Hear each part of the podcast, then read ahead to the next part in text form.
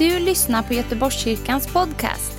Vi vill att den ska hjälpa dig och uppmuntra dig där du är i vardagen. Vill du veta mer om oss så gå in på www.goteborgskyrkan.se.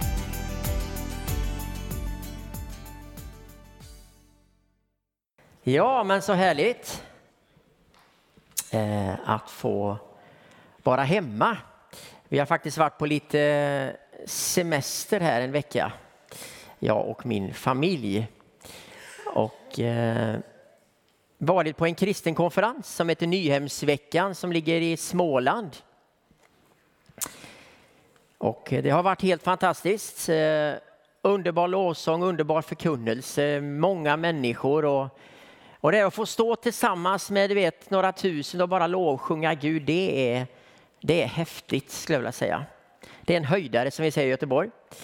Och jag har haft med min familj också. Och det var första gången för mina, för mina flickor i alla fall att få, eller för våra flickor att, att få vara med där och stå i det här sammanhanget. Och en, en av våra flickor frågade när vi kom fram att eh, menar du att alla människor som är här är kristna?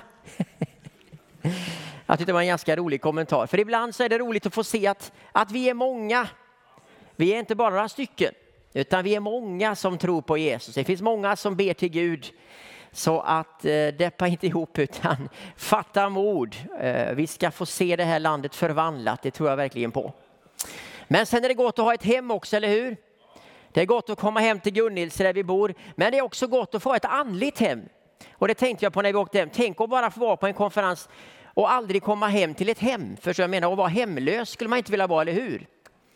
Och jag hoppas inte att du är andligt hemlös, utan att du också, om inte du har hittat ett andligt hem, så ska du få göra det. För det är en sån glädje att få stå här idag och få komma hem till Göteborg och komma hem till Göteborgskyrkan. För det är mitt andliga hem. Här är mina syskon, här är mina bröder och mina systrar och det är så härligt att få se er här. Så att jag bara varit borta en vecka, men det, jag hade redan jag hade lite hemlängtan när vi åkte hem, så det var gott. Idag ska vi eh, läsa ur eh, Romarbrevet kapitel 7 här och jag tror att texten kommer upp på väggen. Jag tycker vi kan stå upp tillsammans. Eh, när vi läser Guds ord så läser jag och så är ni med här. Romarbrevet kapitel 7 från vers 1 där och så ska vi läsa till fram till 8 och vers 8, kapitel 8, vers 8. Eller vet ni inte bröder, jag talar till sådana som känner lagen, att lagen råder över människan så länge hon lever. En gift kvinna är genom lagen bunden vid sin man så länge hon lever. Men om mannen dör är hon fri från den lag som band henne vid mannen. Om hon ger sig åt en annan man medan hennes man lever kallas hon alltså äktenskapsbryterska. Men om mannen dör är hon fri från lagen och då är hon ingen äktenskapsbryterska om hon ger sig åt en annan man. Så har också ni, mina bröder, genom, genom Kristi kropp dödats från lagen så att ni tillhör en annan, honom som har uppstått från de döda för att vi ska bära frukt åt Gud. Och så länge vi levde i köttet var de syndiga begären som väcktes genom lagen verksamma i våra kroppar så att vi bar frukt åt döden. Men nu är vi lösta från lagen eftersom vi har dött bort från det som höll oss fångna. Nu står vi i andens nya tjänst och inte i bokstavens gamla tjänst. Vad ska vi då säga? Att lagen är synd? Verkligen inte. Men det var först genom lagen som jag lärde känna synden. Jag hade inte vetat vad begäret var om inte lagen hade sagt du ska inte ha begär. Men synden grep tillfället och väckte genom budordet alla slags begär i mig. Utan lag är synden död. En gång levde jag utan lag, men när budordet kom fick synden liv och jag dog. Det visade sig att budordet som skulle föra till liv ledde till död. Synden grep tillfället och bedrog mig genom budordet och dödade mig genom det. Alltså är lagen helig och budordet heligt, rätt och gott. Har då det som är gott blivit min död? Verkligen inte. Det var synden för att den skulle avslöjas som synd. Den vållade min död genom det som är gott för att synden genom budordet skulle avslöjas som synnerligen syndig. Vi vet att lagen är andlig, men själv är jag kötslig, såld till slav under synden. Jag kan inte fatta att jag gör som jag gör. Det jag vill, det gör jag inte. Men det jag hatar, det gör jag. Och om jag nu gör det jag inte vill, då erkänner jag att lagen är god. Men då är det inte längre jag som gör det, utan synden som bor i mig. Jag vet att det inte bor något gott i mig, det vill säga i mitt kött. Viljan finns hos mig, men inte förmågan att göra det goda. Det goda som jag vill göra gör jag inte. Men det onda som jag vill, som jag, förlåt, det onda som jag inte vill, det gör jag. Men om jag gör det jag inte vill, då är det inte längre jag som gör det, utan synden som bor i mig. Jag finner alltså den lagen för mig som vill göra det, göra det goda. Att det onda finns hos mig, i min inre människa gläder jag mig över Guds lag, men i mina lemmar ser jag en annan lag som kämpar mot lagen i mitt sinne och gör mig till fånge under syndens lag i min kropp. Jag arma människa. Vem ska rädda mig från denna dödens kropp? Gud vare tack genom Jesus Kristus vår Herre. Alltså tjänar jag själv med mitt sinne Guds lag, men med köttet så tjänar jag syndens lag. Och så läser vi några verser i åttan också. Så finns nu ingen, ingen fördömelse för den som är i Kristus Jesus. Livets andes lag har i Kristus Jesus gjort mig fri från syndens och dödens lag. Det som var omöjligt för lagen, svag som den var genom den kötsliga naturen, det gjorde Gud genom att sända sin egen son som syndoffer till det ytterliken syndig människa. I hans kropp fördömde Gud synden. Så skulle lagens rättfärdiga krav uppfyllas i oss som inte lever efter köttet utan efter anden. Och de som lever efter köttet tänker på det som hör till köttet. Men den som lever efter anden tänker på det som hör till anden. Köttets sinne är död, men andens sinne är liv och frid. Köttets sinne är fiendeskap mot Gud. Det underordnar sig inte Guds lag och kan det inte heller. De som lever i köttet kan inte behaga Gud. Herre, vi tackar dig så att vi får läsa ditt ord. Det är underbart att bara få, få, få recitera, få tala ut ditt ord, Herre, få stå här Gud och höra ordet. Jag tackar att ordet bara ska inte vara massa ord, Herre, utan jag tackar att eh, det ska få vara ande och liv idag, Herre. Jag tackar dig Gud att du inspirerar mig, du inspirerar oss alla, Herre, i det jag ska säga de här minuterna nu Herre. Och jag bara ber att ditt ord Herre ska vara levande och verksamt Herre. Det ska verka på oss idag Herre och tacka vi ska gå härifrån och bara känna Gud att ditt ord har träffat oss i våra hjärtan Herre. Så att vi kan gå härifrån Herre eh, med nytt mod, med nya tankar. Jag talar till varje trotsig tanke i det här rummet att ge vika i Jesu namn. Jag talar till oro, att gå i Jesu namn. Vi talar till depression, att lämna denna salen Herre.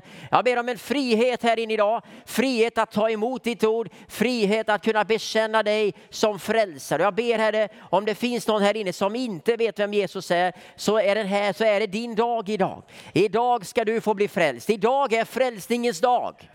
Din nåd Herre den är ny idag Herre. Idag kan vi få ta emot någonting nytt Herre och komma riktigt nära dig Herre. Halleluja, tackar vi ska få dop idag också. Jag tackar Jesus för de här två fina pojkarna som har beslutat sig för att döpas idag också Herre. Det är stor nåd och det är så härligt Herre. I Jesu namn. Amen. I Jesu namn. Amen. Här var ni med. Varsågod och sitt.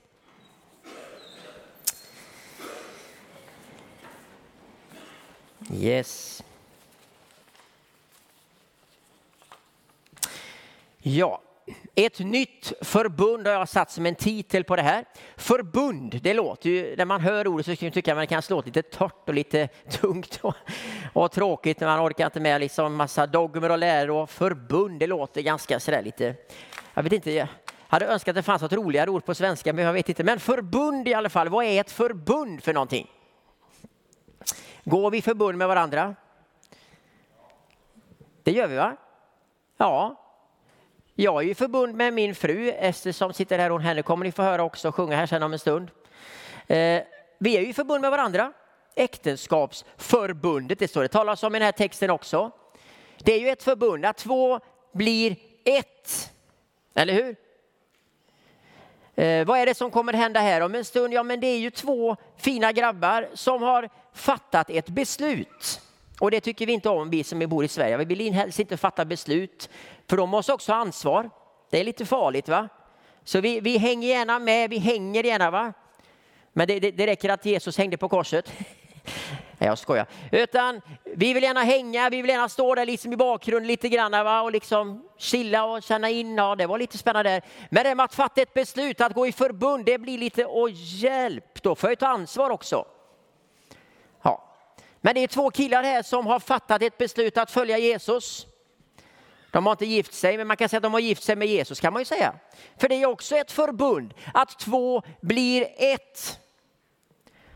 Och dopet är ju som en bekräftelse, det är som ett bröllop kan man säga nästan, att man offentligt bara bekänner och visar för släkten och för församlingen att nu har jag bestämt mig, jag har gått i förbund med Jesus, det är jag och Jesus två har blivit ett. Och det är ett mirakel. Man kan inte bli, bli frälst genom, genom att rent intellektuellt att försöka förstå sig på den, den kristna tron och förstå sig på hela Bibeln. Jag måste förstå allt innan jag kan bli frälst. Det funkar inte så. Utan frälsningen, det är ett mirakel. Du blir drabbad av kärleken. När jag var ung så blev jag drabbad av kärleken till min fru. Och jag åkte ända ner till Spanien för att fånga in henne. Ja, ni vet hur det är, man blir drabbad av kärleken. Och så är det med dig och Gud också när du går i förbund med Jesus Kristus. Så blir du drabbad av kärleken, det är mer än bara någonting intellektuellt. Kärleken, störst av allt är kärleken står det i Bibeln och Gud är kärleken. Så du blir drabbad. Och det blev jag en gång när jag var en ung kille, bara tio år gammal. Så började jag älska Jesus så mycket så jag bara kände att word is not enough. Det spelar inte roll, så stor roll alla ord om jag inte förstår allt som står i Bibeln, om jag inte fattar varenda lära eller dogm i den kristna tron. Jag har mött kärleken och det är större än allt. Och därför gick jag i förbund med Jesus. Och jag hoppas att du också är i förbund med Jesus, att du har sagt ditt ja. Har du inte gjort det så är den här varma och härliga förmiddagen ett, ett fantastiskt tillfälle. Skriften här talar ju om två olika förbund. Det gamla förbundet Eh, det som vi läser om i Gamla Testamentet, man kallar det för lagen också. Och det så talas om ett nytt förbund och det är förbundet i Kristus Jesus. Vi måste skilja mellan det gamla och det nya här. Och texten börjar ju väldigt intressant här med att det, det står om en kvinna. Hon är i förbund med sin man. Men rätt som det är så, så trillar gubben av pinnen. Han dör. Och Helt plötsligt så är hon ju inte bunden till sin man längre, för han är ju död. Och på samma sätt är det med lagen, med det gamla förbundet, det som fanns i gamla testamentet. Eh, som Mose instiftade uppe på Sinai berg ute i öknen, han fick lagen av Gud. Alltså eh, så säger skriften att vi har dött bort ifrån lagen. Vi kan inte både leva i det gamla förbundet och det nya förbundet. Det gamla förbundet som Gud ingick med Israels folk, det var ett, en, en lag som handlade om att Gud fostrade ett folk och det var Israels folk. Han gav dem en lag. Precis som vi i Sverige har en lag och massa regler va? så finns det saker som vi ska göra och saker som vi inte ska göra. Och gör man inte det och, och, och gör vi det som lagen säger att vi inte ska göra, men då blir vi också straffade. Så att vi måste veta att lagen hade sin tid. Gud fostrade ett folk, han fostrade en nation. Och det var en teokrati. Vi lever i en demokrati, men en teokrati innebär att det är Gud som faktiskt bestämmer. Det är han som är kungen, presidenten i detta. Så lagen hade sin tid. Det var att Gud förberedde mänskligheten på att Kristus skulle komma. Men han hade ju inte kommit än. Kristus som, alltså Gud som son, som människa. Han hade inte kommit till jorden, men det skulle komma en dag när det skulle komma ett nytt förbund. Alltså är det lagen, det gamla förbundet, det är en förberedelse för det som komma skall. Och vad gör lagen? Jo, men lagen gör ju att, att som, som det står i texten, när vi tänker på lagen, då inser vi att vi är gördåliga. Att vi är syndiga. För vi inser att det är ju massa saker som, så, som stod i den här lagen i Gamla testamentet. Och, och, så känner man, nej, jag är ju fruktansvärt dålig egentligen. Så det var inte så mycket halleluja över lagen på det sättet. Lagen var god, den var andlig står det i texten. Men när vi läser lagen och ser detta, det är då folket börjar inse sin synd.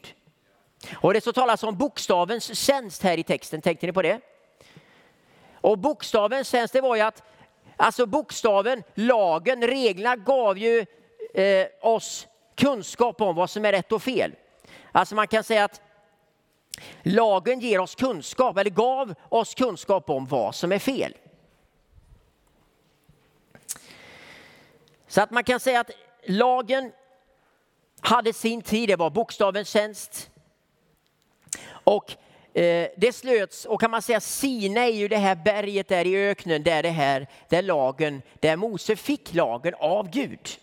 Så Mose är ju representanten för lagen. Och, och, när Jesus tvistar med fariseerna, de, de, de skriftlärare, så är det ofta så att om de säger att ja, men vi tillhör Mose, vi tillhör det gamla förbundet. Vem är du? Vad är du för en nisse som kommer här och säger att, att vi inte längre ska, ska utgå från lagen? Det är, ju våran, det är ju vårt förbund med Gud. Hallå, vem tror du att du är? Och säger att det är ett nytt förbund. Så Sinai, det berget, det står för det gamla förbundet, det var förbundet ute i öknen. När man var på väg, ni vet att de var på väg ifrån Egypten mot Kanans land, mot löfteslandet.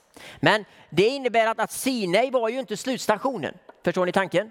Utan Sinai var ju att man var på väg mot löfteslandet, man skulle rena sig, man skulle förbereda sig på att sen en dag kliva rakt in i löfteslandet. Så Sinai står för förberedelserna. Det, det, det, står för att det är en skugga av verkligheten. Det är fortfarande öken.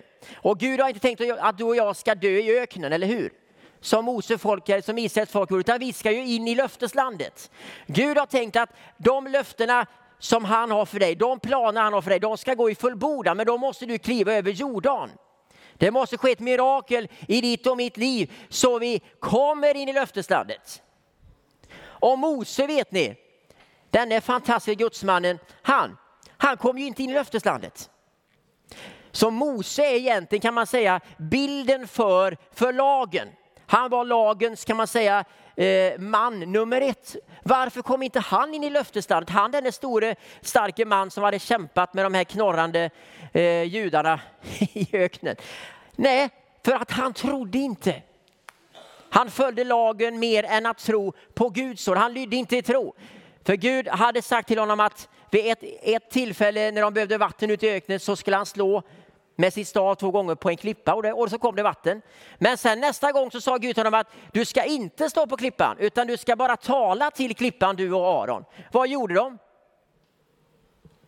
Ja, men det, det, är nog bäst vi, vi gör som vi alltid har gjort. Det är nog bäst att, att vi följer traditionen. Förra gången gjorde vi så där, så vi, vi slår på klippan ändå. Hade Gud sagt att de skulle slå på klippan? Nej, han trodde inte. Det gamla förbundet handlade om regler, att följa reglerna. Det handlade om gärningar, att vi gör massa saker för att, vi ska, att det ska funka med vår relation med Gud. De offrade, det vet ni, det står talat om offer här i den här texten också. Så gamla förbundet det handlade om att man offrade massa saker, man gjorde massa saker, religion i allra högsta grad ska man kunna säga, för att relationen med Gud skulle fungera. Det var bara det att det var ju inte Guds plan, utan Guds plan att de skulle gå, de skulle gå ifrån Sinai berg till Sions berg och det är ju Jerusalem. Så vad händer med Mose? Jo, Gud är ju så god ändå så att han, låter, han säger till Mose, okej okay, du får komma upp på det här berget här, eh, upp i öknen så att han fick se i alla fall löfteslandet. Men jag tänker ändå, Käre gode Gud, jag, jag, vill inte bara se löfteslandet, tänkte jag när jag tänkte på Mose. Jag vill ju in i löfteslandet, jag vill inte bara höra om massa löften och massa saker. Frank, du ska göra det och det, du är kallad till det och det. Jag vill ju inte bara stå och liksom titta, även om löfteslandet är jättevackert. Jag vill ju in i löfteslandet, jag vill ju över Jordan, jag vill ju halleluja, jag vill ju kunna säga som Paulus säger att jag har fullbordat mitt lopp. Jag vill inte bara som Moses stå och titta på det vackra landet. Men många gånger så nöjer vi oss med det. Åh, det är så fint, någon profeterar till mig. Åh, jag skriver upp profetian. Ni ska veta det att 1978 eller 2004 så var det en som profeterade mig och det var så fantastiskt. Oj, oj, oj, jag ska bli det och det, jag ska göra det och det. Och så tittar vi på löftena. Vi, vi liksom tittar på det som Gud har tänkt att vi ska bli och vi är nöjda med det. Det är så fantastiskt. Men jag, jag vill inte egentligen, men att, eh, att gå över jorden, det vet jag inte om jag vill riktigt. För då måste jag ju jobba, då kanske det blir jobbigt. Då kanske Jerikos murar står där. Det kanske inte är så roligt. Vill jag verkligen gå över Jordan? Vill jag kliva in i förbundet med Jesus? Vill jag följa Kristus? Det är kanske lättare, lättare att följa lagen egentligen. Det är ju massa regler. Men vill jag kliva över Jordan? Vill jag komma in i löfteslandet på riktigt eller vill jag bara titta på det som Mose fick göra? Ja, den hälsning till dig och mig idag, det är att vi ska kliva över Jordan. Ja, men det går ju inte. Ja, det, är ju, det är ju en flod. Ja, precis. Det behövs ett mirakel. Du kan inte detta själv. Vad var det som hände? Gud gjorde ett mirakel så de kunde ta sig över Jordan. Annars hade det inte gått. Så Gud behöver göra ett mirakel i ditt och mitt liv så att det som han har sagt, det han har lovat dig och mig, det ska få ske. Och så är det i vår församling också. Vi ska inte bara stå och titta på vad Gud har sagt. Det är ju jättevackert att höra. Åh, vi ska vara en, en vad det nu är, en raketbas eller vad vi kallar oss för. Och av, avskjutningsramp. Det är fantastiskt. Jag blev så triggad och glad så jag höll på att hoppa i stolen om berätta om detta. Att det var Boris. Det är fantastiskt att, att vi ska få vara med och sända ut folk. Men vi ska ju få göra det också i real life, IRL, eller hur? Inte bara prata om det. Och då behöver vi hänge oss åt visionen, hänge oss åt det Gud har sagt. Och så ska vi få kliva in i löfteslandet. Josua då, han fick gå in i löfteslandet. Josua betyder ju Herrens frälsning. Joshua det är ju det, det hebreiska ordet för frälsaren egentligen. Så han är ju en förebild på Kristus. Han fick gå in i landet för han trodde på Gud. Det räcker inte bara med laggärningar utan vi måste verkligen tro och lyda Gud. Så frågan till dig och mig idag det blir ju, vill vi följa Kristus? Vi ska inte längre följa lagen, vi ska dö från lagen säger Bibeln. Vi ska dö från allt som har med lagen att göra. Utan vi ska inte följa lagen, utan vi ska följa Kristus nu står det. Det är det nya förbundet genom Kristi blod. Så Sion, det är ett mycket bättre berg. Sinai var det berget som var ute i öknen. Men hur många vill leva i en öken? Och bara eh, springa runt och knorra och liksom vara lite griniga och kritiska mot allt och alla och liksom sitta på någon åskådarläktare. jag menar öken, det kan ju vara bara kul kanske några dagar att åka ut i öknen och bara titta hur det ser ut, ta några kort och lägga ut på Facebook att jag har varit i öknen. Men det är inte roligt att leva i en öken. Nej. Vill du att ditt liv ska vara en öken? Vill du att ditt kristna liv ska vara en öken eller vill du komma in i det här landet som flyter av, av mjölk och honung istället? Det är roligare va? Det så talas om bokstavens tjänst och andens tjänst i texten här. Bokstavens tjänst, ja men det var ju detta att, att kunskapen kom genom lagen. Jag läste någonting och så visste jag vad jag skulle göra. Andens nya tjänst står det talas om här, det är ju mycket roligare. För att då följer vi anden istället, vi följer vad Gud har sagt. Lagen finns inristad i våra hjärtan, andens nya lag står det här. Vi ska följa anden mina vänner. Den helige anden ska få, få, få blåsa på oss. Vi ska få följa vinden, andens vind. Och så ska Gud få leda oss framåt. Vi vet kanske inte exakt vart vi ska gå. Men den helige anden vill följa dig och mig. Lite snarare tvärtom, vi ska följa den helige anden. Gå dit vinden går. Där Herrens ande är, där är frihet. Så vi går ifrån ett slaveri där vi inser våran synd, där vi bara känner att vi är fördömda, till att komma in i ett liv i frihet. Så finns det ingen fördömelse läste vi för den som är i Kristus Jesus. Alltså det här skammen och skulden. Du vet att vi är, vi är väldigt bra på det, att lägga skam på varandra. Och vi känner oss ofta skamliga och vi lägger skuld på oss själva. Och jag är så dålig, jag kan inte göra det och det och nu gjorde jag det. Och så har vi massa dåliga samveten, vi har massa skuld och massa skam. Idag ska du bli befriad från det. För det nya förbundet handlar inte om skuld och skam. Det handlar om att det finns ingen fördömelse för den som är i Kristus Jesus. Har du sagt ditt ja till Jesus, är du i förbund med honom, är du gift med Herren själv, då finns ingen fördömelse kvar utan du kommer ut i, i en frihet. som är enorm, som är underbar. Sions berg, Jerusalem. Det så talas, det handlar ju, det är en bild för frälsningen.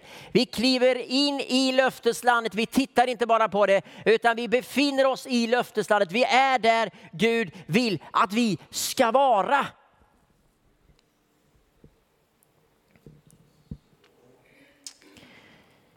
Paulus är ju, han som skriver Romarbrevet är ju ett exempel på detta. Han gick ju från ett gammalt förbund som han tjänade ivrigt. Han var en farisé, han tjänade lagen, han tjänade det här på ett ivrigt sätt och var liksom nitisk verkligen att följa det gamla förbundet fullt ut. Han får ju uppleva Jesus på Damaskusvägen och det blir en så här riktig en enormt stark omvändelse där han bara lämnar det gamla och kliver in i det nya.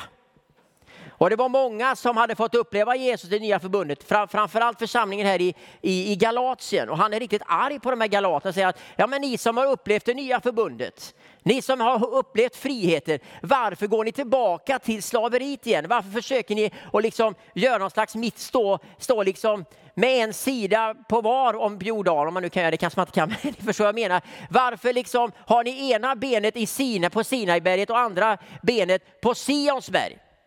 I princip. Vad är det ni håller på med Galaterna? Vem har förhäxat er, säger han till mig. Utan det är viktigt att kliva in i förbundet fullt ut, att lämna det gamla. Vi kan inte stå med ett ben i det gamla och ett ben i det nya. Vi måste dö bort ifrån det gamla, vi måste dö bort ifrån våra egna gärningar. Vi måste dö bort ifrån allting som har med oss själva att göra. Nu lever inte längre jag, säger Paulus, utan Kristus lever i mig födda på nytt, nya skapelser. Och Paulus säger att det jag vill göra, det gör jag inte. Det låter som han nästan blivit schizofren här Paulus. Och det jag inte vill göra, det gör jag. Vad håller han på med egentligen? Är han helt, jag menar alltså, snälla, är man ju, vad är det, vad handlar detta Jo, det var den här kampen inom honom, köttet som vi kallar det för, eller hur? Det finns en kamp, en strid i ditt och mitt hjärta, i, mitt, i, i vår natur, för vi har del av den gamla naturen. Det finns en gammal natur, gamla Adam, som finns i oss, och det kallar vi för köttet, som med massa begär, som, som gör, där vi gör massa saker som vi inte vill göra. Och det har vi alla gjort. Är det någon som inte någon gång har, har, har gjort emot det man egentligen vill göra? Vi vet vad som är rätt, det är ju det som är synd. Egentligen är det en medveten handling oftast att vi vet vad som är fel, ändå, ändå gör vi det. Det är ju inte klokt. Det är, liksom, det är inte ens, alltså det är inte klokt, i, det är inte liksom ens, det är inte ens förnuftigt. Vi vet ju vad Jesus vill men vi gör det inte ändå. Vad handlar detta om? Jo, det är att vi är bräckliga, vi är inte fullkomliga. Kristus är fullkomlig, vi är inte det. Men när vi kliver in i förbundet med Jesus så får vi så sker ett mirakel i ditt och mitt liv och då är vi förbund med honom. Han förlåter oss och vi får uppleva att den här skammen, den här skulden, det som vi går och bär på den här ryggsäcken som vi kanske inte ofta talar så mycket om. De där dåliga relationerna, det där, det där som ligger där eh, vill bara Jesus lösa dig ifrån och befria dig från skammen, ifrån skulden.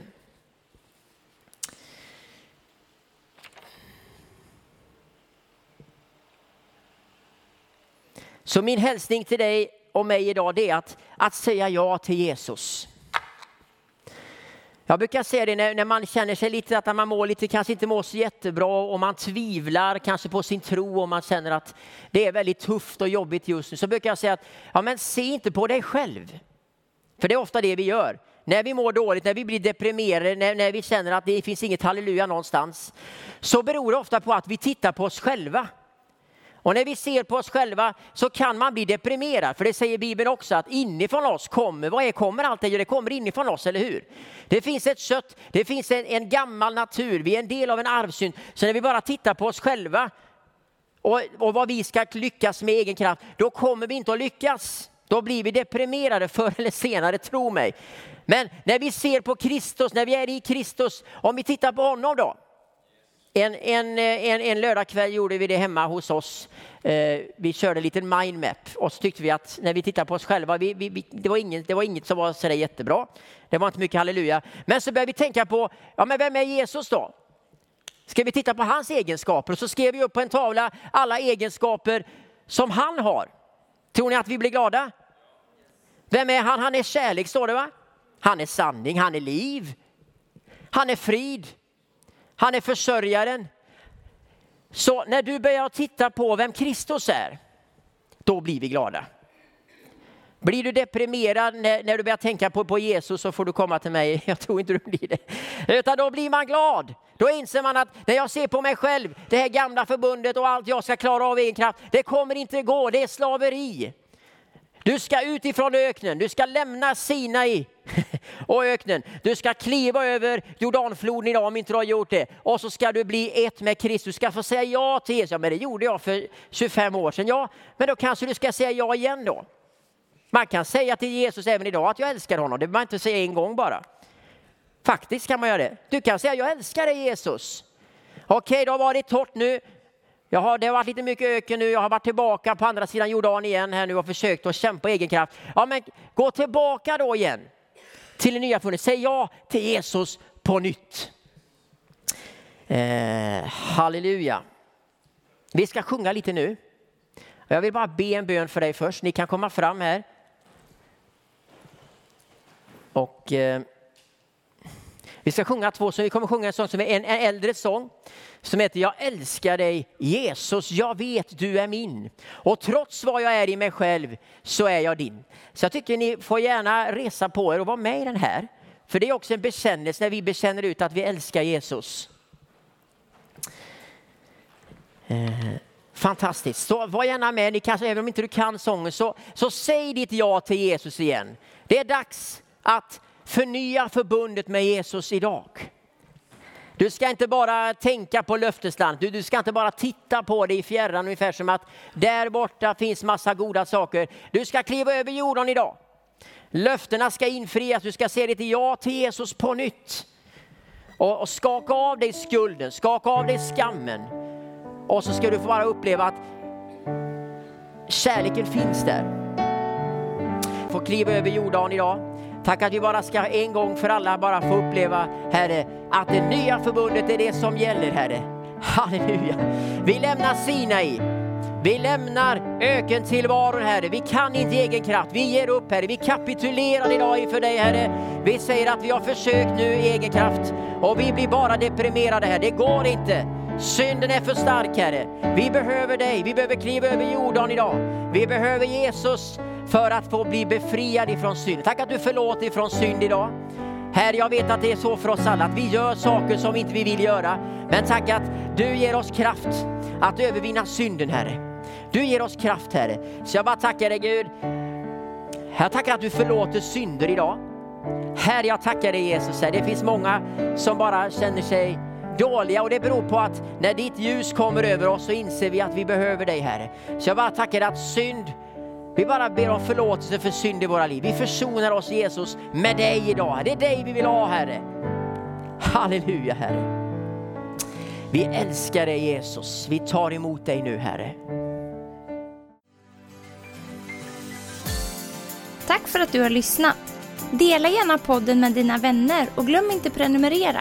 Om du har frågor eller vill att vi ska be för något så mejla oss på info på söndagar har vi veckans höjdpunkt. Då firar vi gudstjänst tillsammans och det vore så kul att träffa dig där. Men vi har även samlingar för barn då? Gå in på vår hemsida goteborgskyrkan.se så får du veta mer. Välkommen till oss!